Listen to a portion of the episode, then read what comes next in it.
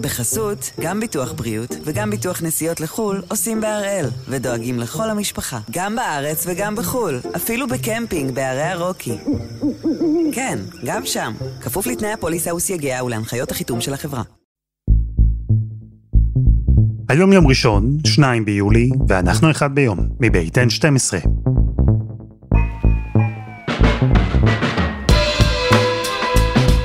אני אלעד שמחה יופה, אנחנו כאן כדי להבין טוב יותר מה קורה סביבנו, סיפור אחד ביום, בכל יום.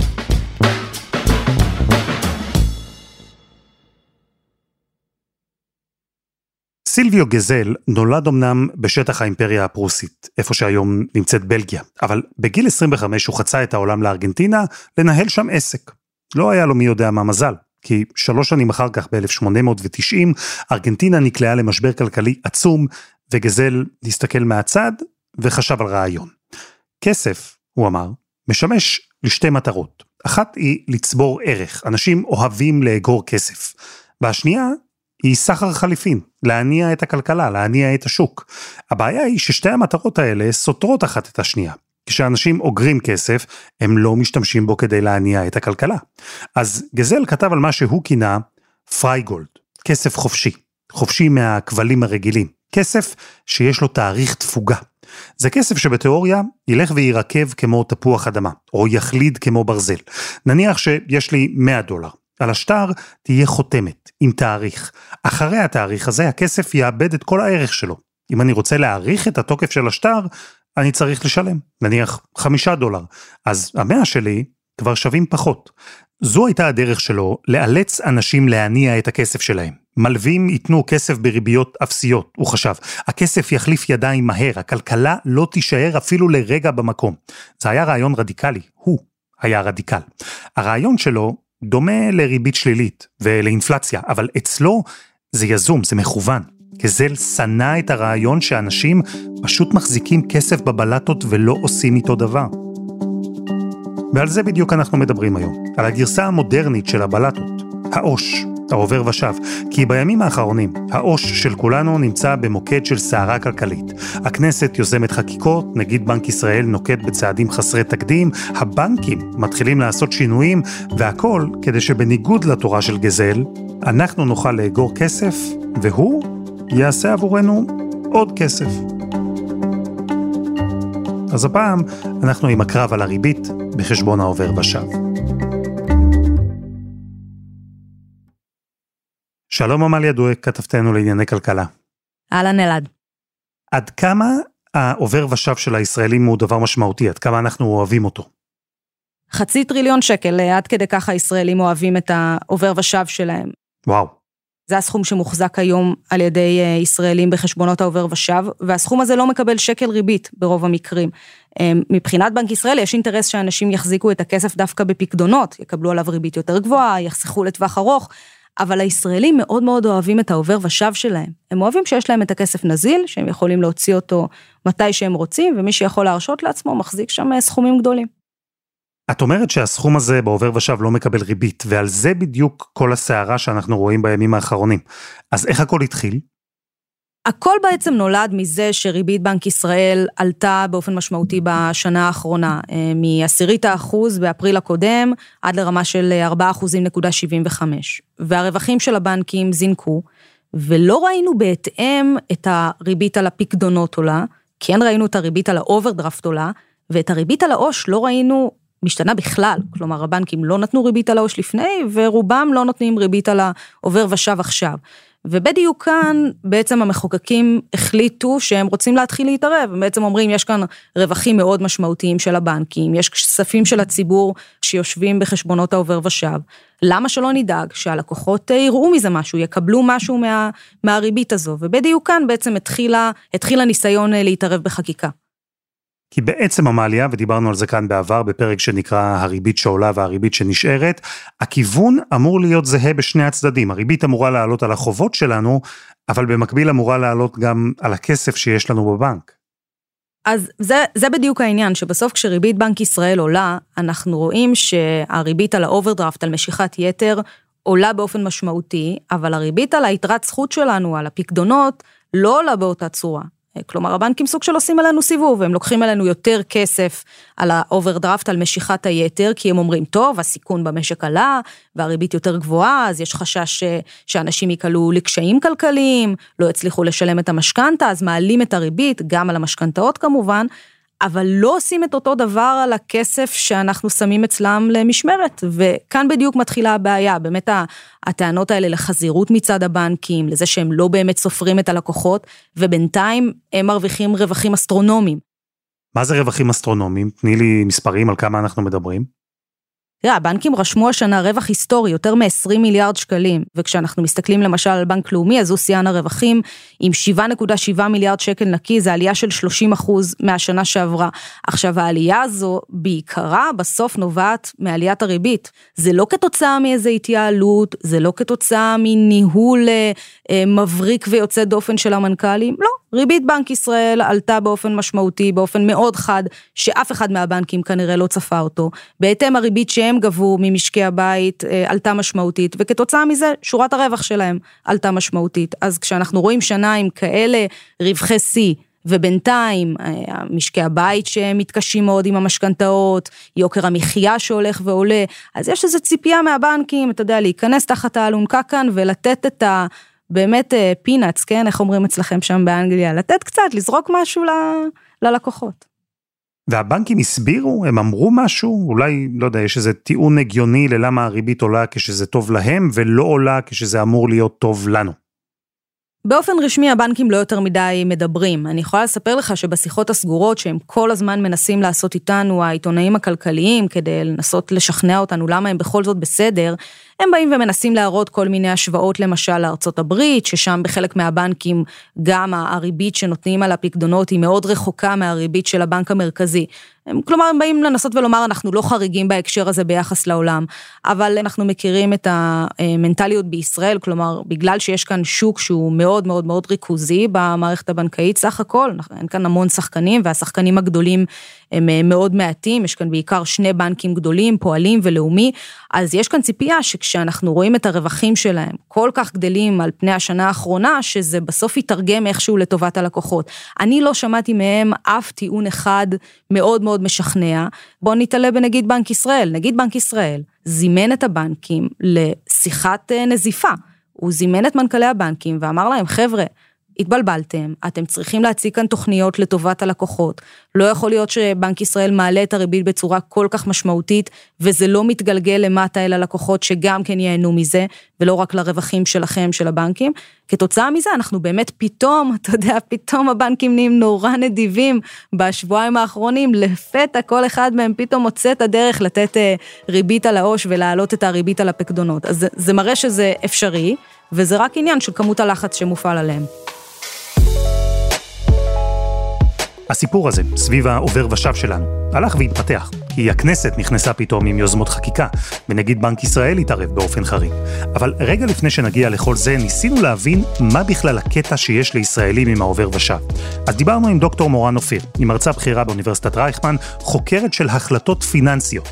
והיא התחילה את ההסבר במקום מאוד לא צפוי, בהופעה של מייקל ג'קסון. אני תמיד מספר את הסיפור הזה שאני באותו בנק מגיל 14, ולמה? כי כשהייתי בת 14, וזה יחשוף עכשיו את הגיל שלי, אז מייקל ג'קסון הגיע להופעה בישראל, והבנק הציע, אה, ולא נפרסם פה אף אחד מהבנקים, הציע כרטיס ב-40 שקלים למי שיפתח אצלו חשבון בנק. אז אני פתחתי את החשבון בנק, ומאז ועד היום אני באותו בנק, כנראה שהכרטיס בהנחה של מייקל ג'קסון היה שווה לבנק לא מעט. ההופעה של מייקל ג'קסון בישראל הובילה את דוקטור אופיר למה שנקרא הטיית ברירת המחדל, והיא חלק מרכזי בסיבה שרבים מאיתנו מעדיפים להשאיר כסף בעובר ושב, גם אם כלכלית זה לא בדיוק הדבר הכי נבון לעשות. ההטייה הזאת אומרת שאנחנו נוטים להיצמד לאלטרנטיבות שהן ברירת מחדל, בעצם אנחנו פחות נוטים לעשות שינויים אקטיביים. ולכן ברירות המחדל הן נראות לנו מאוד תמימות ומאוד אה, לא משפיעות על ההתנהגות, הן משפיעות על ההתנהגות שלנו באופן דרמטי, כי רובנו נצמדים לברירות המחדל, והדוגמה המחקרית בעיניי הכי מאלפת היא באה מתחומים לא כלכליים בכלל, היא באה מתחום תרומת האיברים, וזה מחקר שנקרא האם ברירות מחדל מצילות חיים, והתשובה שלו היא כן. למה? כי יש שני סוגים של הסדרים לתרומת איברים שקיימים לנו בעולם, יש את ההסדר שדומה להסדר הישראלי, שגם אם אתה חותם מראש על כרטיס אדי ואומר שתרצה לתרום את איבריך, אם חלילה יקרה לך משהו, עדיין צריך הסכמה אקטיבית של המשפחה בשביל לעשות את זה, וברירת המחדל היא שאין תרומת איברים מן המת. לעומת זאת יש הרבה מדינות בעולם שבהם ברירת המחדל היא שיש תרומת איברים, אלא אם כן המשפחה מסרבת באופן אקטיבי, ומה שרואים זה שיש פער דרמטי בין תרומות האיברים במקומות שברירת המחדל היא שיש תרומת איברים מן המת, היא בין 90 ל-98 אחוזים, במדינות כמונו בין 12 ל-25 אחוזים, ולכן ברירות מחדל הן משנות חיים, וחזרה רגע לעולמנו הכלכלי, הכסף שלנו הוא כסף שכברירת מחדל נמצא בעובר ושב, כדי להשקיע אותו גם באלטרנטיבה שהיא חסרת סיכון, אנחנו צריכים לעשות איזושהי פעולה אקטיבית. והסיבה המרכזית, ויש עוד סיבות שאפשר לדבר עליהן, אבל הסיבה המרכזית שלכל כך רבים מאיתנו יש כל כך הרבה כסף בעובר ושב, שיכול להשיא לנו איזושהי תשואה אלטרנטיבית והוא לא עושה את זה, זה שאנחנו נצמדים בעצם לברירת המחדל שהיא, שהכסף נזרק לשם בחזרה בכל פעם שלא נתנו איזושהי הוראה מפורשת ואקטיבית לעשות איתו משהו אחר. החיים עמוסים, של כולנו. ואם נודה על האמת, אנחנו לפעמים גם טיפה עצלנים. כל המספרים האלה, תשואות, ריביות, הם נתפסים אצלנו כדבר מורכב. אז בואו פשוט ניתן לכסף להישאר באותו מקום, בברירת המחדל, בעו"ש. אז קודם כל התופעה הזאת שאנשים נוטים להשאיר כסף בעו"ש ולא להשקיע אותו באיזושהי ריבית אלטרנטיבית היא תופעה מאוד מאוד אוניברסלית, תופעה שאנחנו רואים אותה בכל העולם, אנשים נוטים להיצמד לברירת המחדל, אבל אפשר לספר פה גם עוד שני סיפורים או הסברים אחרים שהם אולי יותר ייחודיים לישראלים. הסבר אחד הוא מה שאנחנו קוראים לו אשליה של השליטה, אילוזיית השליטה, בעצם אנחנו מרגישים שכשהכסף נח לו ושוכב לו שם בעובר ושב, אנחנו עדיין שולטים בו באיזושהי צורה, וכשהפקדנו אותו בפיקדון הוא התרחק מאיתנו ולכן אנחנו שולטים בו פחות, כמובן שזו רק אילוזיה, כי בעוד בעבר כספים עברו במשאיות מבוטחות, היום זה שורה שמועברת אה, דיגיטלית, אבל עדיין אנחנו חשים יותר טוב כשזה אצלנו וקרוב אלינו. והדבר הנוסף זה שלכולנו יש צורכי נזילות, אנחנו תמיד רוצים להרגיש שהכסף נזיל ושאם עכשיו אני רוצה לעשות נסיעה בקיץ עם המשפחה, אז אני לא צריכה לשבור איזושהי תוכנית חיסכון בשביל להוציא את הכסף הזה. אה, ואצל הישראלים אנחנו רואים את צורך הנזילות הזה הרבה יותר גדול, אנשים אה, גם כשאין להם, הם מאוד מאוד אוהבים להוציא, הם פחות אוהבים להגביל את עצמם והם מרגישים שבעצם ההפקדה לפקדונות תיצור להם איזושהי מגבלה שהם לא יוכלו להוציא ולצרוך כמו שהם רוצים. וזה הצד השני של התמונה דרך אגב, כי זה מייצר לנו שליטה עצמית שאנחנו לא תמיד יודעים לשלוט עבור עצמנו לגבי ההוצאות. אם אנחנו נפקיד, ו- וככל שנפקיד לתקופות יותר ארוכות ונייצר לעצמנו פחות נזילות, אנחנו גם ננהל תקציב אה, ביתי או משפחתי בצורה הרבה יותר טובה. אבל דוקטור אופיר, מה שאת מתארת כאן הוא נכון לכולם, לא רק לישראלים, לא? צורכי נזילות והתנהגות צרכנית היא בישראל כן יותר דומיננטית מבחינה תרבותית מאשר בכלכלות אחרות. אבל עדיין אנחנו רואים במדינות אחרות שיש נטייה להשאיר בעו"ש, מה שכן שונה זה שיש הרבה מדינות מערביות אחרות שכבר שנים רבות מציעות איזושהי אלטרנטיבה של ריבית על העו"ש, דבר שלא היה אצלנו עד, עד עכשיו, הוא עלה כמה פעמים בהצעות חקיקה שמעולם לא עברו, ודיון כמו שיש בימינו, דיון סוער לגבי הנושא של ריבית על העו"ש, לא היה פה כמו, ש, כמו שהוא קורה בימים האלו, יש הרבה מדינות בעולם, כמו ארה"ב, קנדה, אוסטרליה, גרמניה, אנגליה, שכבר מציעות במשך שנים ריביות על העו"ש, אמנם ריביות מאוד מאוד נמוכות, הרבה יותר נמוכות מריבית על פיקדון, אבל עדיין מציעות איזושהי ריבית, ולכן ההתנהגות של האנשים במדינות האלה היא, היא הנזק הכלכלי שלה יותר נמוך, אה, כי עדיין מרוויחים איזושהי אלטרנטיבה אמנם מינימלית, מאשר ההתנהגות של הישראלים אה, עם השארת הכסף בעובר ושב. אז יש משהו באופי הישראלי, באופי של האדם בכלל, וגם בחוסר התחרות בין הבנקים בישראל, שהפכו אותנו מצד אחד ללקוחות שאוהבים להחזיק יחסית הרבה כסף בעובר ושב, ובמקביל שההחלטה הזאת תהיה עבורנו החלטה פיננסית רעה במיוחד, כי זה אומר שהכסף שלנו שם לא רק שלא מרוויח אפילו ריבית, לאורך זמן, ובטח כשיש אינפלציה גבוהה, הערך שלו נשחק. והבנקים הם דווקא לא ממש רוצים שהכסף שלנו יישב בעובר ושב, יהיה נזיל וזמין עבורנו ברגע, הם מעדיפים שהגמישות עם הכסף שלנו תהיה בידיים שלהם.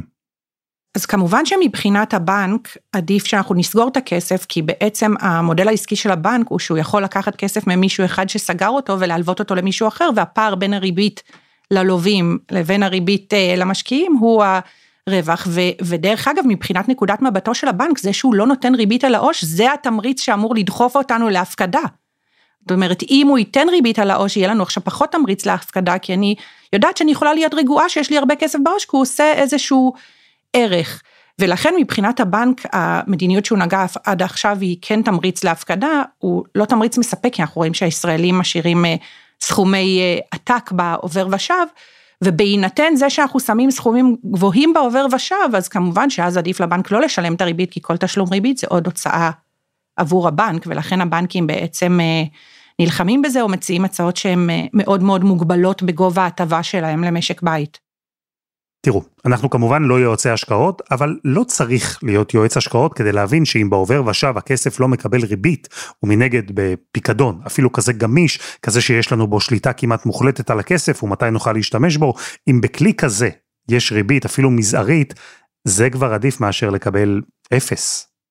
החלטה של מה לעשות עם הכסף בעו"ש, זה החלטה בסיסית שאין בן אדם שלא צריך לקבל אותה.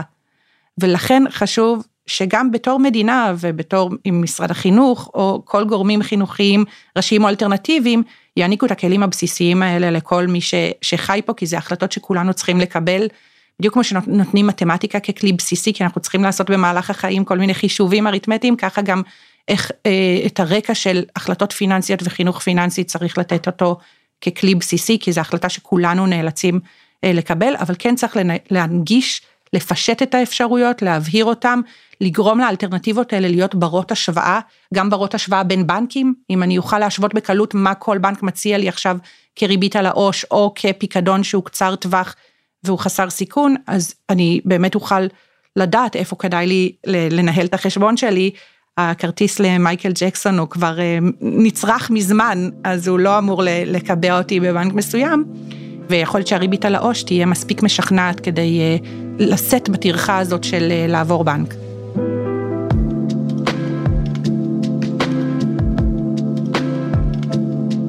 חסות אחת וממש מיד חוזרים.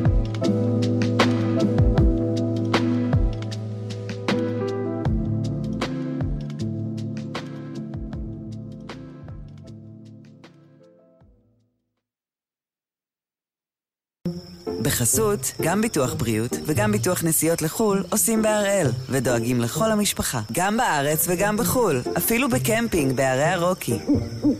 כן, גם שם, כפוף לתנאי הפוליסה וסייגיה ולהנחיות החיתום של החברה. אנחנו עם קרב גדול שמתנהל בימים האחרונים על חשבונות העובר ושב שלנו. הבנו כבר שאנחנו הישראלים אוהבים להשאיר כסף בעובר ושב על פני פקדונות, למרות שאנחנו לא מקבלים על הכסף הזה ריבית, בניגוד למקומות אחרים בעולם. במשך השנים האחרונות הסוגיה הזו לא הייתה בכלל רלוונטית, כי הריבית שקבע בנק ישראל הייתה אפסית. אז זה ברור שהבנקים לא ייתנו במצב כזה ריבית על העובר ושב. אבל אנחנו כבר בעולם אחר. הריבית עולה. היום היא עומדת בישראל על 4.75%, ובמצב כזה אנחנו היינו אמורים להרגיש אותה גם בעובר ושב. אז עמליה, סיפרת שבכנסת החליטו להגיב לעניין בחקיקה. אז לכאורה היוזמה החדשה, הנוכחית, התחילה להתגלגל אה, בתחילת החודש, אנחנו פרסמנו על זה לראשונה לפני שלושה שבועות, הייתה הצעת חוק ראשונית של אה, דווקא חברי קואליציה ואופוזיציה ביחד, שבאו ואמרו, בואו נחייב את נגיד בנק ישראל לקבוע כללים אה, בנוגע לריבית על העו"ש שהבנקים חייבים לתת ללקוחות. ואז הגיעה בעצם הצעה נוספת, מעט יותר רדיקלית, של ינון אזולאי מש"ס, שבעצם קיבלה גם את התמיכה של ועדת שרים לחקיקה, והפכה להצעה המרכזית כרגע. כרגע, זו ההצעה שגם אמורה הייתה לעלות בקריאה טרומית. ההצעה הזו בעצם לוקחת את זה צעד אחד קדימה. היא באה ואומרת, אנחנו רוצים שהבנקים יהיו מחויבים לתת ריבית על העובר ושב, נגיד בנק ישראל יהיה חייב לקבוע ריבית מינימום, ושר האוצר יצטרך לאשר את ריבית המינימום הזו. כלומר, החוק הזה הולך צעד אחד קדימה. הוא אומר לא רק שהבנקים צריכים לתת ריבית, הנגיד חייב לקבוע ריבית מינימום, ושר האוצר הוא בסופו של דבר מי שמכריע ונותן את הסטמפה ש, שזה בסדר, שנותנים מספיק ללקוחות. אז בכנסת התחילו להתגלגל יוזמות שיכפו על הבנקים לשלם ריבית על העו"ש, ואז קרה משהו לא צפוי. הגיע נגיד בנק ישראל, האיש שמכתיב את המדיניות המוניטרית של המדינה, ואמר לראשי הבנקים, בואו נשב. מה היה שם בפגישה הזו? נגיד בנק ישראל זימן את הבנקים לשיחת אה, נזיפה. הוא זימן את מנכ"לי הבנקים ואמר להם, חבר'ה, התבלבלתם, לא יכול להיות שבנק ישראל מעלה את הריבית בצורה כל כך משמעותית, וזה לא מתגלגל למטה אל הלקוחות שגם כן ייהנו מזה, ולא רק לרווחים שלכם, של הבנקים. השיחה של הנגיד בעיניי הייתה באיחור ניכר לעומת המציאות, בסוף היא הגיעה, תחשוב, אחרי עשר העלאות ריבית כבר, אחרי שהנגיד בעצמו כבר התבטא באופן פומבי ואמר שאנחנו כבר די מגיעים לקצה של העלאות הריבית, כלומר, היית מצפה שאולי הוא צריך היה לעשות את השיחה הזו בשלב הרבה יותר מוקדם. אני חושבת ש... שהוא הבין שהוא סוג של כמעט נדחק לפינה כדי ללכת למהלך שהוא כל כך אה, דרמטי מבחינתו, אבל לא היו לו הרבה ברירות, אחרת פשוט היו הולכים כאן אולי על מהלכי אה, חקיקה חד צדדיים, וזה מבחינתו אה, הכי בעייתי. זהו, שזו התערבות חריגה לנגיד בנק ישראל, הוא כן קובע את שיעור הריבית, אבל ממש ללכת לבנקים, לנזוף בהם, לומר להם שהם צריכים להעלות את הריבית על העובר ושב, זה צעד מאוד חריג.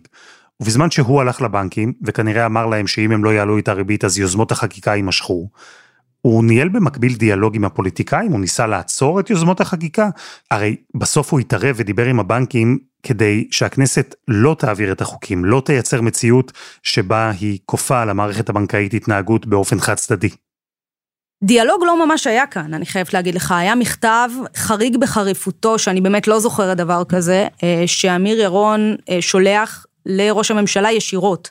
ממאן את המכתב אל ראש הממשלה לפני קריאה טרומית, כלומר שלא תגיד שהחוק כבר uh, עמד לעבור בקריאה שנייה ושלישית. שם הוא בעצם מעלה שורה של נימוקים, המרכזי שבהם אומר, תראו, אני מאמין בשוק חופשי, השוק צריך לקבוע בעצמו את גובה הריבית. אם הבנקים יצליחו בעצמם אה, לקבוע גובה ריבית, בהמשך גם לשיחת הנזיפה שעשיתי להם, זה מה שמסתמן שיקרה, זה מצוין, זה מה שצריך לקרות.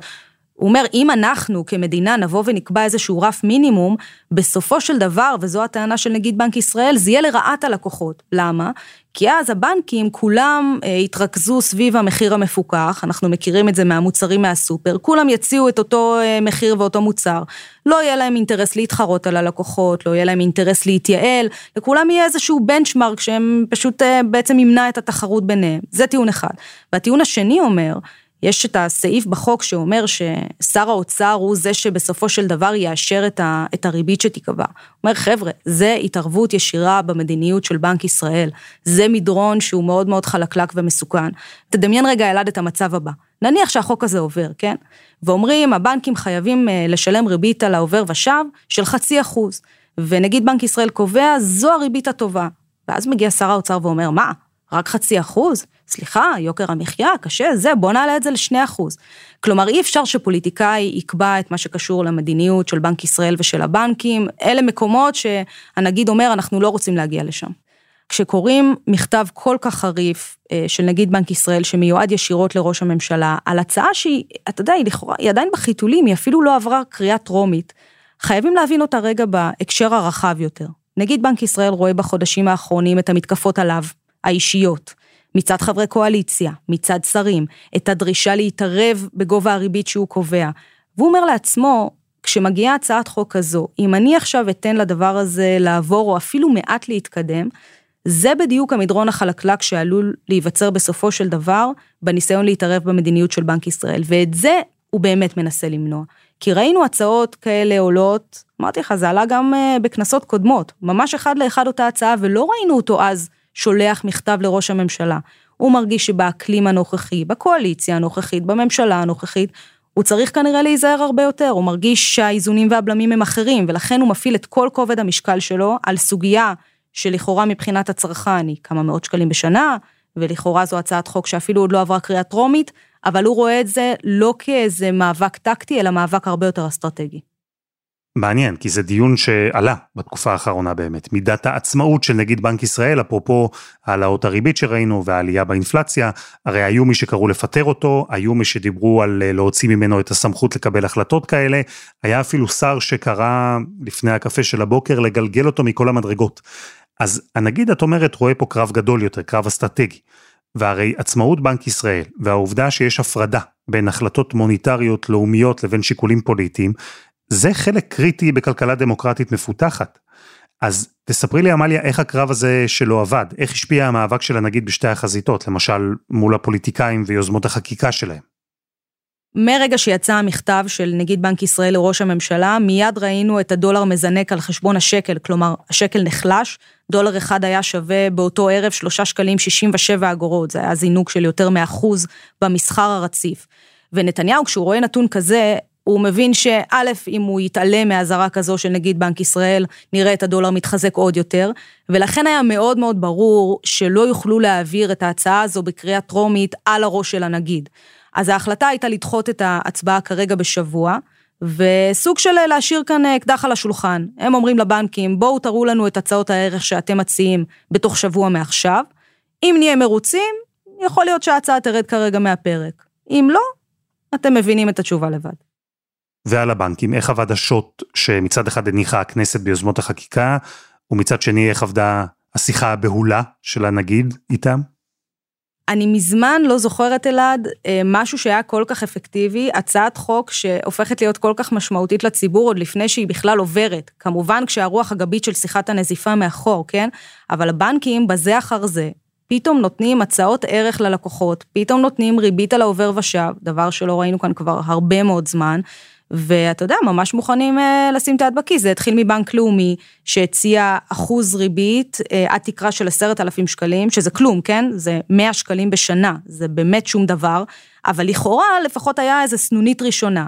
ואז מיד לאחר מכן בנק ירושלים, אה, שהודיע שהוא ייתן חצי מהריבית של בנק ישראל, שזה עכשיו משהו כמו 2.4 אחוזים, עד תקרה של 20 אלף, כלומר הוא כבר הכפיל את התקרה, אז זה כבר מביא אותך ל-475 שקלים בשנה. ועכשיו מגיע בנק מזרחי ואומר 2 אחוזים בשנה, אבל התקרה של 25 אלף, אז זה כבר מביא אותך לתשלום שנתי של 500 שקלים. ופייבוקס מבית דיסקונט שאומרים 3 אחוזים בשנה על 20 אלף שקלים, שזה כבר 600 שקלים בשנה, פי שישה מההצעה הראשונה שיצאה של בנק לאומי. המגמה כאן היא מאוד מאוד ברורה, ונגיד בנק ישראל גם כותב את זה במכתב לראש הממשלה, הוא אומר, תראה, כבר יש תוצאות בשטח. הבנקים כבר מעלים את הצעת הערך ללקוחות. הוא גם מעריך במכתב שבימים הקרובים נראה, אני מניחה גם שהוא אומר את זה מידיעה, נראה עוד בנקים מציעים עוד הצעות. בנק הפועלים למשל, עוד לא נתן את ההצעה שלו, אז יכול מאוד להיות שהוא יהיה הבא בתור. ומבחינת אה, אה, פרופסור אמיר ירון, אז אנחנו רואים כאן ממש, אתה יודע, השפעה ישירה. הייתה את אה, הצעת החוק שהוגשה, הייתה את שיחת הנזיפה, בום, הבנקים נותנים עכשיו אה, ריבית ללקוחות. כמה זמן זה יחזיק? לא יודעת, אולי עד שהצעת החוק תרד מהפרק. בסוף את מדברת על כמה מאות שקלים בשנה, זה לא משהו שצריך לזלזל בו כמובן, אבל אולי אפילו יותר מהסכום הזה, המסקנה היא החשובה, שהבנקים בישראל, שתמיד נתפסו כקבוצת כוח, שאי אפשר להזיז ואי אפשר לשנות ואי אפשר לשכנע או לרתום להתנהגות שתבוא לקראת הצרכן, הנה, התברר שגם הם בשר ודם, וגם עליהם הלחץ עובד. זו בעיניי אולי הנקודה הצרכנית הכי חשובה בסיפור הזה, כי הריבית על העו"ש היא לא ריבית שהיא דרמטית בהסתכלות שנתית, זה בין 100 ל-600 שקלים בשנה.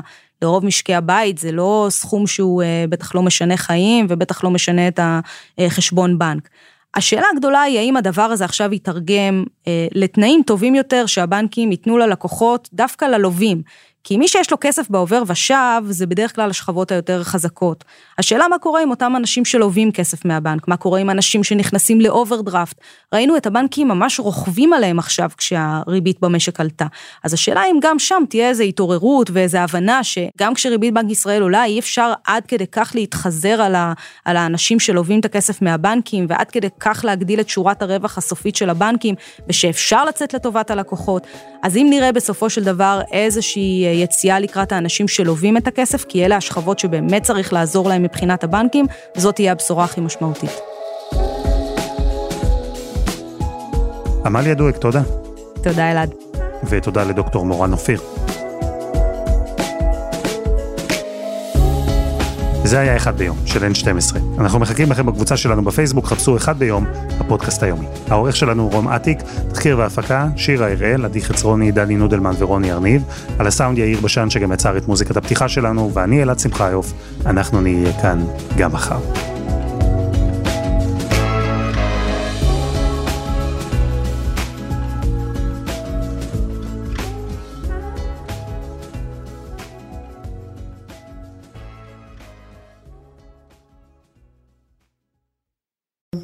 בחסות, גם ביטוח בריאות וגם ביטוח נסיעות לחו"ל עושים בהראל, ודואגים לכל המשפחה, גם בארץ וגם בחו"ל, אפילו בקמפינג בערי הרוקי. כן, גם שם, כפוף לתנאי הפוליסה וסייגיה ולהנחיות החיתום של החברה.